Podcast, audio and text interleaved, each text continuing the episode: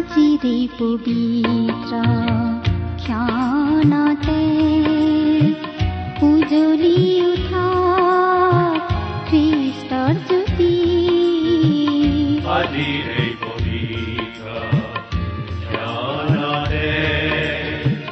উজ্বলি উঠ খ্ৰীষ্টৰ জ্যোতি আকাশ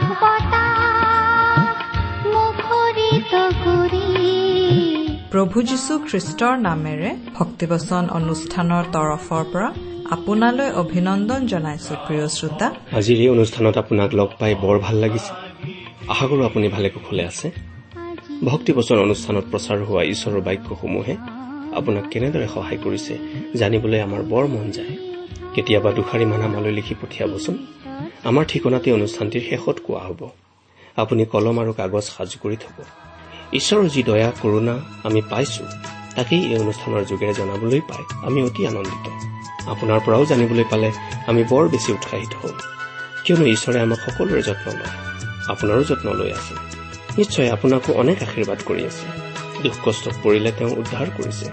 বেজাৰৰ সময়ত তেওঁ আহি সান্তনা দিছে। হয়তো ৰোগত পৰোতে সুস্থতা দিছে।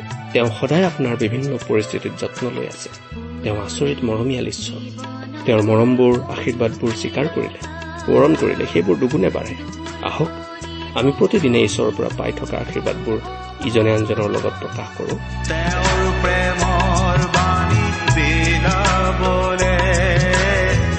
জ্ঞান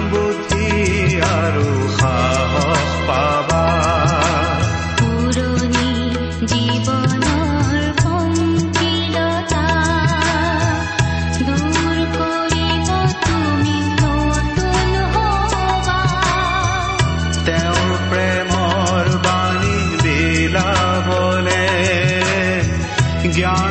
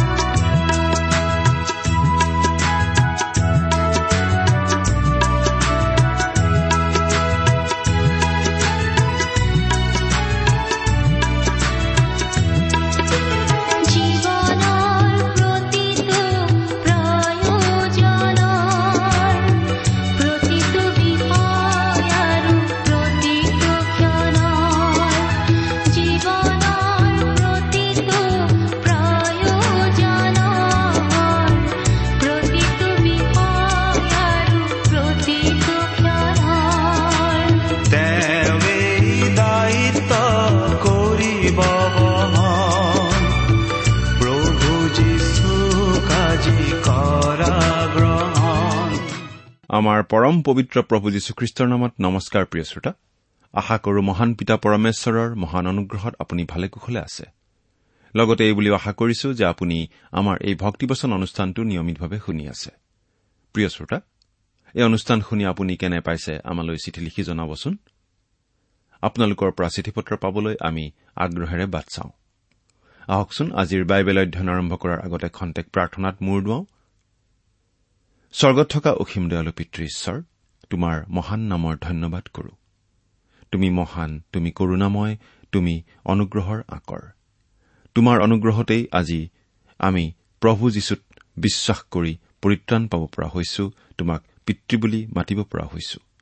তুমি আমালৈ যিমান অনুগ্ৰহ দেখুৱাইছা তাৰ বাবে তোমাক ধন্যবাদ দি আমি শেষ কৰিব নোৱাৰো। এতিয়া প্ৰাৰ্থনা কৰিছো তোমাৰ মহান বাক্য বাইবেল শাস্ত্ৰৰ যোগেৰে তুমি আমাক কথা কোৱা। তোমাৰ মাত আমাক শুনিবলৈ দিয়া। কিয়নো এই প্ৰাৰ্থনা আমাৰ মহান ত্ৰাণকৰ্তা প্ৰভু যীশুখ্ৰীষ্টৰ নামত আগবঢ়াইছো। আমেন।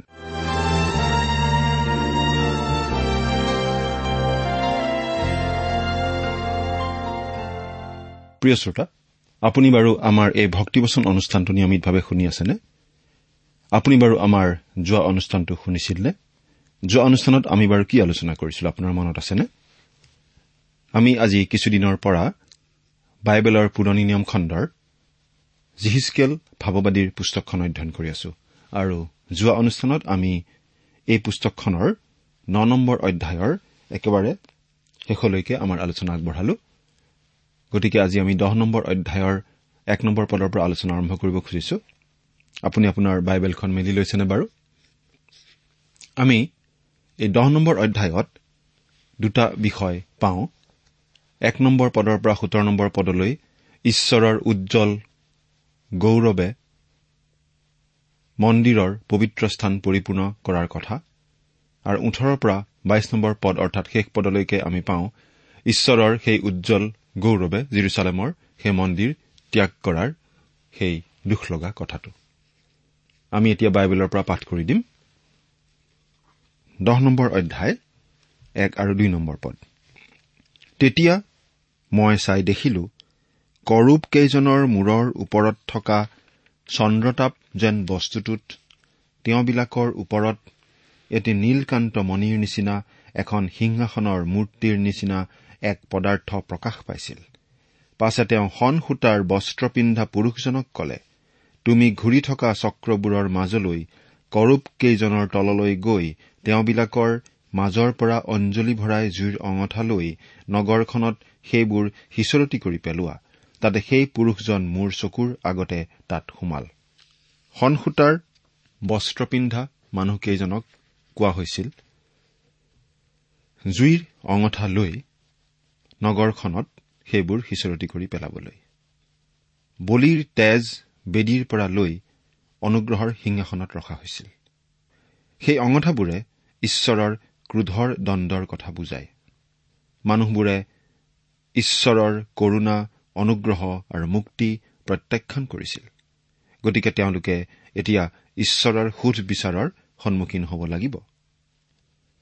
এইটো অতিকৈ সৰল আৰু স্পষ্ট কথা। ঈশ্বৰে তেওঁৰ একেজাত পুত্ৰ যীশুখ্ৰীষ্টক এই জগতলৈ পঠাইছিল কাৰণ তেওঁ আপোনাক প্ৰেম কৰে। যিহেতু তেওঁ পবিত্ৰ গতিকে তেওঁ আপোনাৰ মোৰ পাপৰ শাস্তি ল'ব লগা হ'ল। তেওঁ ক্ৰুচত মৰিব লগা হ'ল। নহলে আমি পাপৰ শাস্তিস্বৰূপে অনন্ত মৃত্যু পাব লগা হলহেঁতেন। খ্ৰীষ্টই আমাৰ পাপৰ ক্ষমা।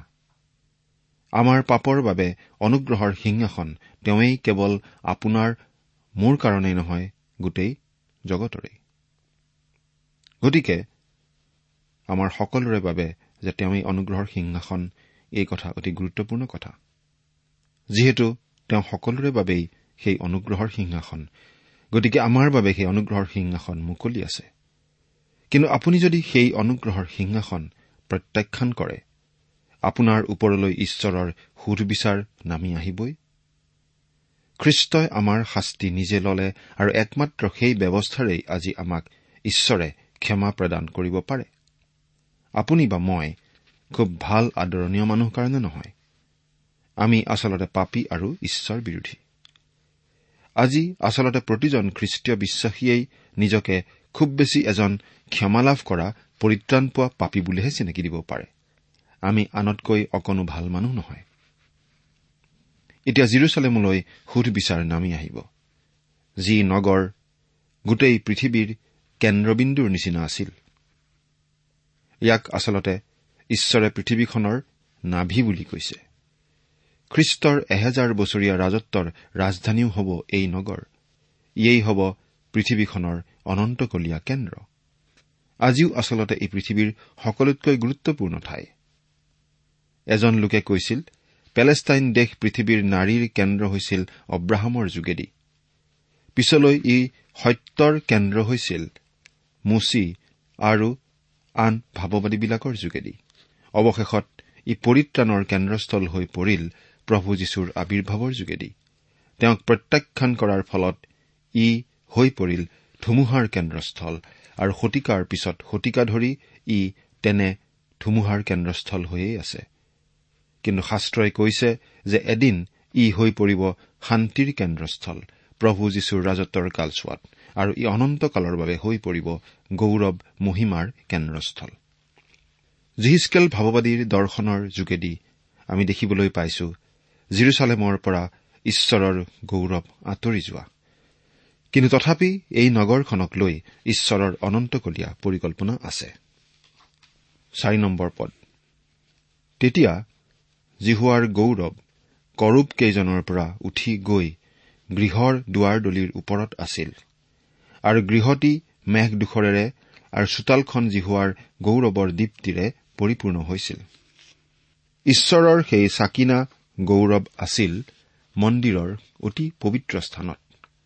সেই ঠাই আচলতে ঈশ্বৰৰ সৈতে লগ হোৱাৰ ঈশ্বৰক সাক্ষাৎ কৰাৰ ঠাই আছিল।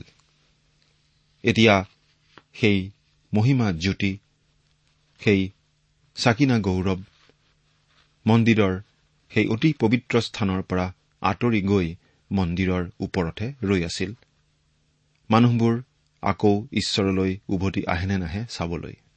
অৰ্থাৎ ঈশ্বৰে মানুহবোৰক মন পালটন কৰাৰ এটা সুযোগ দি আছিল। পাছৰ পৰা আঠ নম্বৰ পদ। আৰু সৰ্বশক্তিমান ঈশ্বৰে কথা কোৱা সময়ৰ শব্দৰ নিচিনাকৈ কৰূপ কেইজনৰ দেউকাৰ শব্দ বাহিৰ চোতাললৈকে শুনা গৈছিল।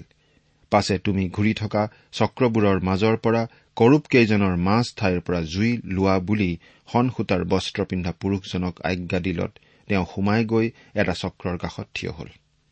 তেতিয়া কৰূপজনে কৰূপকেইজনৰ মাজৰ পৰা তেওঁবিলাকৰ মাজত থকা জুইলৈ হাত মেলি তাৰ কিছু লৈ সনসূতাৰ বস্ত্ৰ পিন্ধা পুৰুষজনৰ হাতত দিলে।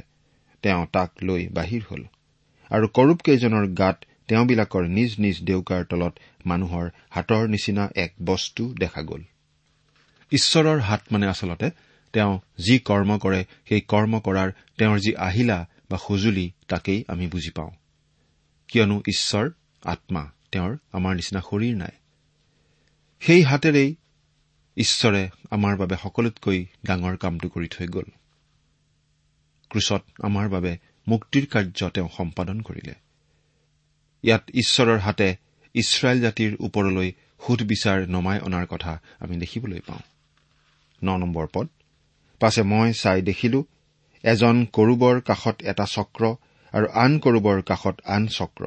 এইদৰে চাৰিজন কৰোবৰ কাষত চাৰিটা চক্ৰ আছিল আৰু সেই চক্ৰকেইটাৰ আভা বৈদুৰ্য মণিৰ নিচিনা। চলি থকা চকা এটা লক্ষ্য কৰিছেনে? ইয়াত ঘূৰি থকা চকাই আচলতে ঈশ্বৰে নেৰা নেপেৰাকৈ অনবৰতেই কাম কৰি থকাটোক বুজায়। ঈশ্বৰ ব্যস্ত।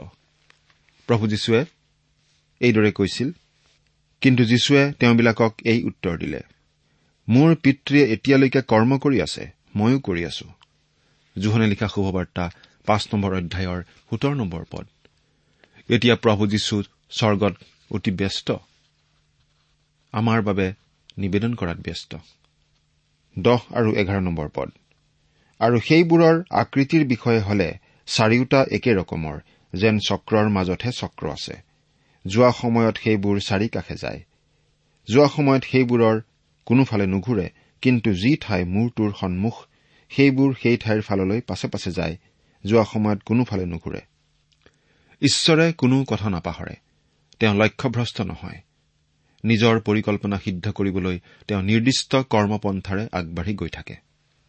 বাৰ তেৰ আৰু চৈধ্য নম্বৰ পদ একেলগে পঢ়ি দিম।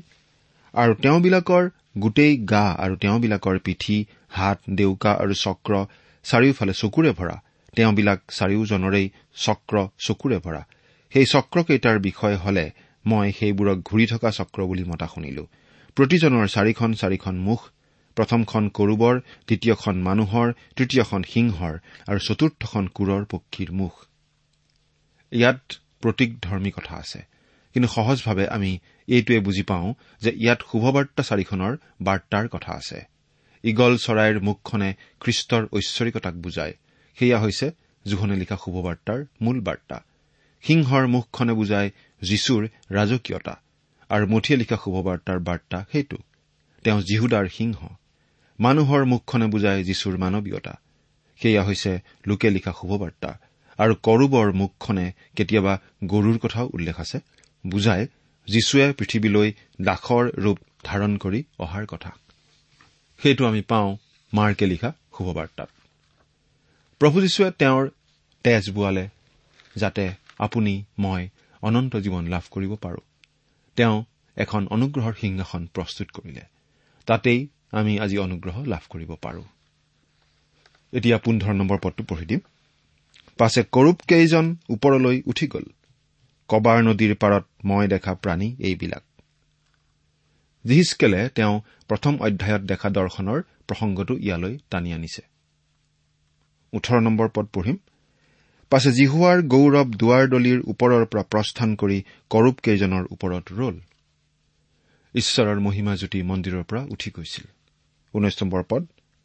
কৰূপ কেইজনে প্ৰস্থান কৰোতে ডেউকা দাঙি মূৰ আগতে পৃথিৱীৰ পৰা ওপৰলৈ উঠি গ'ল আৰু তেওঁবিলাকৰ কাষে কাষে চক্ৰকেইটাও চলিল। আৰু তেওঁবিলাক জিহুৱাৰ গৃহৰ পূবফালৰ বাট চৰাৰ দুৱাৰমুখত থিয় হল আৰু তেওঁবিলাকৰ ওপৰত ওখত ইছৰাইলৰ ঈশ্বৰৰ গৌৰৱ আছিল। কৰূপকেইটাও উৰি গুচি গৈছিল আৰু ঈশ্বৰৰ মহিমা জ্যোতি আঁতৰি গৈ পূব পিনৰ দুৱাৰত ৰৈ আছিল।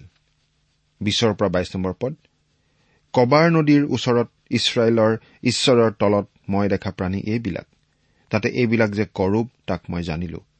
প্ৰতিজনৰ চাৰিখন চাৰিখন মুখ আৰু চাৰিখন চাৰিখন ডেউকা আৰু নিজ নিজ ডেউকাৰ তলত মানুহৰ হাতৰ নিচিনা এক বস্তু আছিল। তেওঁবিলাকৰ মুখৰ আকৃতিৰ বিষয়ে হলে মই কবাৰ নদীৰ ওচৰত দেখা মুখেই মুখ আৰু একে আকৃতি একে বস্তু। তেওঁবিলাক প্ৰতিজনে পোনে পোনে যায়। আমি বিশ্বাস কৰো এই দৰ্শনটোৱে এই কথা বুজায় যে ঈশ্বৰ এদিন মানুহৰূপে পৃথিৱীলৈ আহিব। সেই কথা তেতিয়াই জনাই দিয়া হৈছিল আৰু সেই ঘটনা ঘটিছিল। কাৰণ সেই বাক্য মাংস হল আৰু অনুগ্ৰহ আৰু সত্যতাৰে পৰিপূৰ্ণ হৈ আমাৰ মাজত বসতি কৰিলে। প্ৰভু যীশুৰ ৰূপত। ঈশ্বৰৰ গৌৰৱে মন্দিৰ ত্যাগ কৰাৰ এই বৰ্ণনাখিনিও জিহিচকেলৰ আচলতে আন এটা দৰ্শন। বৰ অলৌকিক শক্তিৰে জিহিচকেলক জিহুৱা ঈশ্বৰে জিৰচালেমলৈ লৈ গৈছে আৰু অধ্যায়টোত বৰ্ণিত ঘটনাবোৰ দেখা পোৱাৰ পাছত তেওঁক বাবিললৈ গৈ তাত বসবাস কৰা ইছৰাইলৰ সন্তানসকলৰ আগত প্ৰধান প্ৰধান ঘটনাবিলাকৰ বিষয়ে জনাবলৈ আজ্ঞা দিছে। কাৰণ তাত মিছলীয়া ভাৱবাদীসকলে মিছাকৈয়েই কৈ আছিল যে জিৰচালেম ঠিকেই থাকিব। এতিয়া জিহিচকেলে ক'ব পাৰিব যে তেওঁলোকৰ ভাৱবাণী মিছা যে জিৰচালেম ধ্বংস হবই। কাৰণ জিৰচালেমতো যে কিছুমান জঘন্য ঘীনলগীয়া কাৰ্য চলি আছে তাক আঠ নম্বৰ অধ্যায়তেই আমি পাই আহিছো। অবুজ আৰু দুৰ্ভগীয়া জাতি ঈশ্বৰৰ মনোনীত জাতিৰূপে ইছৰাইলৰ ইটো সিটো যিমানবিলাক যি যি আছিল আন কোনো জাতিৰেই সিমান নাছিল। ঈশ্বৰৰ যি চাক্ষুষ উপস্থিতি সেয়া ইছৰাইলৰ বাবে আছিল কিন্তু সেইটো আজি মণ্ডলীৰ নিমিত্তে নাই। কিন্তু কি চৰম বেদনাৰ কথা যে এতিয়া ঈশ্বৰৰ সেই উজ্জ্বল গৌৰৱো আঁতৰি যাবলৈ ওলাইছে চৰম অসন্মান অপমান বেজাৰ আৰু ক্ৰোধত। প্ৰিয় শ্ৰোতা আপোনাৰ আৰু মোৰ জীৱনত কথাটো একেবাৰে সুকীয়া। ঈশ্বৰৰ উপস্থিতি সদায় আমাৰ সংগে সংগে থাকে। আমিহে তেওঁৰ উপস্থিতিৰ পৰা আঁতৰি আহোঁ। কিন্তু তেওঁৰ উপস্থিতিত চলিব নোৱাৰিলে আমি তেওঁৰ লোকৰ দৰে চলিব নোৱাৰো। সেই কথা আমি পাহৰা উচিত নহয়। এতিয়া আমি এঘাৰ নম্বৰ অধ্যায়লৈ আহোঁ হওক। এই এঘাৰ নম্বৰ অধ্যায়টোত আছে সেই শাসনকৰ্তা বা চলাওঁতাসকলৰ বিৰুদ্ধে ভাৱবাণী যিসকল তেতিয়াও জিৰচালেমতেই ৰৈ গৈছিল। জিৰচালেমৰ অধিকভাগ লোকক যদিও বাবিলনীয়াসকলে বন্দী কৰি বাবিললৈ লৈ গৈছিল। তথাপি তেতিয়াও জিৰচালেমখন ধ্বংস কৰা হোৱা নাছিল। চিডিকিয়া ৰজা তেতিয়াও ৰাজপাততেই আছিল। তাৰ অৰ্থাৎ জিৰচালেমৰ শাসক আৰু চলাওঁতাসকল কেৱল যে ঈশ্বৰৰেই বিৰোধিতা কৰিছিল এনে নহয় তেওঁলোকে বাবিলৰ ৰজা নবুখত নেচৰ ৰজাৰ বিৰুদ্ধেও বিদ্ৰোহ কৰি আছিল। এঘাৰ নম্বৰ অধ্যায়ৰ এক নম্বৰ পদটো পঢ়ি দিছো। পাছে আত্মাই মোক দাঙি জিহুৱাৰ গৃহৰ পূবফালে মুখ কৰা পূবফালৰ বাট চৰাৰ ওচৰলৈ নিলে। আৰু চোৱা সেই বাট চৰাৰ দুৱাৰমুখত পঁচিছজন পুৰুষ আছিল। আৰু তেওঁবিলাকৰ মাজত উজ্জুৰৰ পুতেক জাজনীয়া আৰু বনায়াৰ পুতেক পলটীয়া প্ৰজাবিলাকৰ এই দুজন অধ্যক্ষক মই দেখিলো। ইয়াত যি পঁচিছজন পুৰুষৰ কথা উল্লেখ কৰা হৈছে তেওঁলোকেই জিৰচালেমৰ ৰজাক ৰাজ শাসনত সহায় কৰিছিল আৰু তেওঁলোকৰ মাজৰে দুজনৰ নাম ইয়াত উল্লেখ কৰা হৈছে। দুই আৰু তিনি নম্বৰ পদ তেতিয়া তেওঁ মোক কলে হে মনুষ্য সন্তান এই নগৰত কুকল্পনা কৰোতা আৰু কুমন্ত্ৰণা দিওঁতা লোক এইবিলাক। ইবিলাকে কয় ঘৰ সাজিবৰ সময় ওচৰ চপা নাই এই নগৰখন কেৰাহী আৰু আমি মাংসস্বৰূপ। এই কুকল্পনা কৰোতা আৰু কুমন্ত্ৰণা দিওঁতা চলাওঁতাসকলে কৈছিল এই জিৰচালেম নগৰখন আমাৰ চাহৰ পিয়লা এয়া আমাৰ একেবাৰে নিজৰ। বেছিভাগে আমাক এৰি গুচি গৈছে। যাওক। কিন্তু আমি হলে ইয়াতেই জীৱন কটাম। আমি ইয়াতেই শান্তি বিৰাজ কৰাম। আৰু ইয়াতেই আমি আমাৰ অন্ন বস্ত্ৰ জোৰাওকৈ পাম। এইদৰে যি চিন্তা তেওঁলোকে কৰিছিল তেওঁলোকে কেৱল শাৰীৰিক সুখ স্বাচ্ছন্দ্যৰ কথাকেহে চিন্তা কৰিছিল। ঈশ্বৰ চিন্তা তেওঁলোকৰ অন্তৰত যে নাছিল নাছিলেই। তেওঁলোকৰ মূৰতো নাছিল। পাঁচ নম্বৰ পদ। তাতে জিহুৱাৰ আত্মা মুঠ স্থিতি হলত তেওঁ মোক কলে তুমি কোৱা জিহুৱাই এই কথা কৈছে। হে ইছৰাইল বংশ তোমালোকে এই এই ৰূপ কথা কৈছা। কিয়নো তোমালোকৰ মনত উদয় হোৱা কথা মই জানিছো। আমি কি ভাবো তাকো ঈশ্বৰে অতি স্পষ্টভাৱে জানে। বহু বহু দূৰৰ পৰাই তেওঁ আমাৰ সকলো কথা অতি স্পষ্টভাৱে আৰু অতি সঠিকভাৱে জানে। মনতে আমি যি ভাবো তাকো তেওঁ শুনে আৰু মনতে যি কল্পনা কৰো তাকো তেওঁ দেখা পায়। ছয় নম্বৰ পদ তোমালোকে এই নগৰত তোমালোকৰ হত লোকবিলাকৰ সংখ্যা বৃদ্ধি কৰিলা আৰু ইয়াৰ আলিবোৰ হত লোকেৰে পৰিপূৰ্ণ কৰিলা। জিৰচালেম নগৰখনত যিবিলাক লোকে ঈশ্বৰৰ পক্ষ লৈ কথা কৈছিল তেওঁলোককেই তেওঁলোকে বধ কৰিছিল নিশ্চয়? দহ নম্বৰ পদ তোমালোক তৰোৱালত পতিত হবা মই ইছৰাইলৰ সীমাতেই তোমালোকক দণ্ড দিম। তাতে মই যে জিহুৱা ইয়াক তোমালোকে জানিবা। ঈশ্বৰৰ সুদবিচাৰৰ উদ্দেশ্য হৈছে যেন লোকবিলাকে জানে যে তেওঁ সঁচাকৈ ঈশ্বৰ। এঘাৰ নম্বৰ পদ। এই নগৰখন তোমালোকৰ কেৰাহী নহব আৰু তোমালোক ইয়াৰ মাজত থকা মাংস নহবা। মই ইছৰাইলৰ সীমাতেই তোমালোকক দণ্ড দিম। ঈশ্বৰে কৈছে যে তেওঁ তেওঁবিলাকৰ সুদবিচাৰ কৰিবই কৰিব। এতিয়া চৈধ্যৰ পৰা ষোল্ল নম্বৰ পদলৈকে পাঠ কৰিম। পুনৰাই জিহুৱাৰ বাক্য মোৰ ওচৰলৈ আহিল। বোলে হে মনুষ্য সন্তান তোমাৰ ভাইবিলাক তোমাৰ এই ভাইবিলাক তোমাৰ জ্ঞাতি কুটুম্ববিলাক ইছৰাইলৰ গোটেই বংশ এই আটাইবিলাককে জিৰচালেম নিবাসীবিলাকে কয় তোমালোক জিহুৱাৰ পৰা আঁতৰ হোৱা অধিকাৰৰ অৰ্থে এই দেশ আমাকহে দিয়া হল। এই হেতুকে তুমি কোৱা প্ৰভু জিহুৱাই এই কথা কৈছে মই যদিও তেওঁবিলাকক জাতিবিলাকৰ মাজলৈ দূৰ কৰিলো আৰু যদিও মই দেশবোৰৰ মাজত তেওঁবিলাকক ছিন্ন ভিন্ন কৰিলো তথাপি তেওঁবিলাক যি যি দেশলৈ গ'ল সেই সেই দেশত মই অলপকাল তেওঁবিলাকৰ ধৰ্মধাম হ'ম। এই পদকেইটাত ঈশ্বৰে কৈছে এটা অৱশিষ্ট ভাগ থাকিব আৰু তেওঁলোকে মোৰ মুখ দেখিব। আৰু যেতিয়া তেওঁলোকে মোক দেখিব তেতিয়া মই তেওঁলোকৰ নিমিত্তে নিজেই এক ক্ষুদ্ৰ মন্দিৰৰ নিচিনা হ'ম। তাতেই তেওঁলোকে মোৰ সৈতে দেখা সাক্ষাৎ হ'ব পাৰিব। অৰ্থাৎ যেতিয়া জিৰচালেমৰ মন্দিৰখন ধ্বংস কৰা হৈছিল তেতিয়া তেওঁৰ লোকবিলাকৰ সৈতে সম্বন্ধ ৰখাৰ এইটোৱেই আছিল ঈশ্বৰৰ নিজৰ ব্যৱস্থা। দানিয়েল আৰু অনেকে মন্দিৰ ধ্বংস হোৱাৰ কালচোৱাত ঈশ্বৰে কৰা এই ব্যৱস্থাৰ দৰেই ঈশ্বৰৰ সৈতে দেখা সাক্ষাৎ কৰিছিল। সোতৰ পদৰ পৰা বিশ পদলৈকে পাঠ কৰিব খুজিছো। এই হেতুকে তুমি কোৱা প্ৰভু জিহুৱাই এই কথা কৈছে। মই জাতিবিলাকৰ মাজৰ পৰা তোমালোকক চপাম আৰু তোমালোক ছিন্ন ভিন্ন হোৱা দেশবোৰৰ পৰা তোমালোকক গোটাম আৰু তোমালোকক ইছৰাইল দেশ দিম। তেওঁবিলাকে এই দেশলৈ যাব আৰু তাৰ আটাই গঢ়হিত আৰু ঘীনলগীয়া বস্তু তাৰ মাজৰ পৰা দূৰ কৰিব। তেওঁবিলাকে মোৰ বিধিত চলিবৰ আৰু মোৰ শাসন প্ৰণালী পালন কৰি সেই অনুসাৰে কাৰ্য কৰিবৰ নিমিত্তে মই তেওঁবিলাকক একেটা চিত্ৰ দান কৰিম। আৰু তোমালোকৰ অন্তৰত এক নতুন আত্মা স্থিতি কৰিম। আৰু তেওঁবিলাকৰ শৰীৰৰ পৰা শিল ৰূপ মন গুচাই তেওঁবিলাকক মাংসৰূপ মন দিম। তাতে তেওঁবিলাক মোৰ প্ৰজা হ'ব আৰু মই তেওঁবিলাকৰ ঈশ্বৰ হ'ম। এই পদকেইটাত কোৱা হৈছে যে ঈশ্বৰে বন্দী হোৱা লোকসকলক নিজৰ দেশলৈ পুনৰ ঘূৰাই আনিব। বাবিল দেশলৈ বন্দী হৈ যোৱা সেই লোকসকলৰ মাজত ষাঠি হাজাৰতকৈ কম লোক বাবিলত আছিল যিসকলে সত্তৰ বছৰৰ পাছত স্বদেশলৈ উভতি আহিছিল। একৈশ নম্বৰ পদ। কিন্তু প্ৰভু জীহুৱাই কৈছে যিবোৰৰ হৃদয় সিহঁতৰ গঢ়হিত আৰু ঘীনলগীয়া বস্তুবোৰৰ হৃদয়ৰ পাছত চলে সিহঁতৰ বিষয়ে হলে মই সিহঁতৰ নিজৰ নিজৰ মূৰতেই সিহঁতৰ কাৰ্যৰ ফল ফলিয়াম সুধবিচাৰ জগতখনলৈ আহি আছিল। এতিয়াও সুধবিচাৰ আহি আছে। এয়া বৰ পৰিতাপৰ কথা। আজিকালিৰ মণ্ডলীত ঈশ্বৰৰ আগন্তুক সুধবিচাৰৰ কথা শিকাওঁতা খুব কম। কিন্তু আমি জনা উচিত যে এই বিষয়ে আমি মণ্ডলীত শিকাও নে নিশিকাও সেয়া সুকীয়া কথা কিন্তু ঈশ্বৰৰ সুধবিচাৰ আহিবই। ঈশ্বৰৰ সুধবিচাৰটোৱেই ঈশ্বৰৰ নিশ্চিত অস্তিত্বৰ এটা ডাঙৰ প্ৰমাণ। আমি বাকীকেইটা পদ পাঠ কৰি দিব খোজা নাই। বাইশ আৰু তেইছ নম্বৰ পদত আমি পাওঁ ঈশ্বৰৰ সেই উজ্জ্বল গৌৰৱ জিৰচালেমৰ পৰা ওলাই নগৰখনৰ পৰা পূবৰ ফালে অৱস্থিত জৈতুন পৰ্বতলৈ গতি কৰিছিল।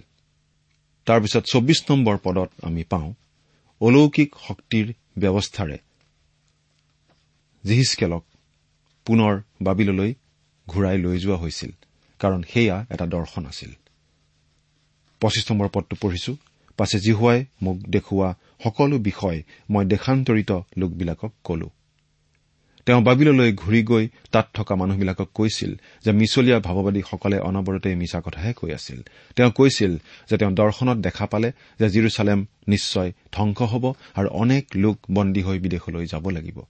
তেওঁ এতিয়া তেওঁলোকক ক'ব পাৰে কিয় ঈশ্বৰে তেওঁলোকৰ ওপৰত সুধবিচাৰ কৰিব? কাৰণটো হৈছে যে তেওঁ কোৱা কথা তেওঁলোকে বিশ্বাস নকৰিব। কিন্তু তেওঁ হলে নানা চিনেৰে তেওঁলোকৰ আগত ঈশ্বৰৰ ভাৱবাণী ঘোষণা কৰি থাকিব। প্ৰিয় শ্ৰোতা ঈশ্বৰে আমাক বিভিন্ন প্ৰকাৰে নিজৰ অস্তিত্বৰ কথা জনাই থাকে নিজৰ বিষয়ে বুজাই থাকে। কিন্তু আমি জানিও নজনাৰ ভাও ধৰি থাকো বুজিও নুবুজাৰ ভাও ধৰি থাকো। এই কথা বাৰু সঁচা নহয়নে? চিন্তা কৰি চাওকচোন। ঈশ্বৰে আপোনাক সহায় কৰক। আমেন।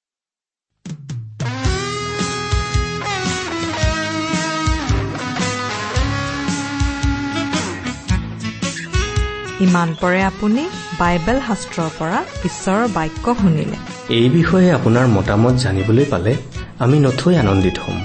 আমি প্ৰস্তুত কৰা বাইবেল অধ্যয়নৰ চিডিসমূহ পাব বিচাৰিলে আৰু অনুষ্ঠানত প্ৰচাৰ কৰা কোনো কথা বুজিব লগা থাকিলেও আমালৈ লিখক। আমাৰ যোগাযোগৰ ঠিকনা ভক্তিবচন ট্ৰান্সৱৰ্ল্ড ৰেডিঅ' ইণ্ডিয়া ডাক বাকচ নম্বৰ সাত শূন্য গুৱাহাটী সাত আঠ এক শূন্য শূন্য এক। ঠিকনাটো আকৌ এবাৰ কৈছো ভক্তিবচন ট্ৰান্সৱৰ্ল্ড ৰেডিঅ' ইণ্ডিয়া ডাক বাকচ নম্বৰ সাত শূন্য গুৱাহাটী সাত আঠ এক শূন্য শূন্য এক।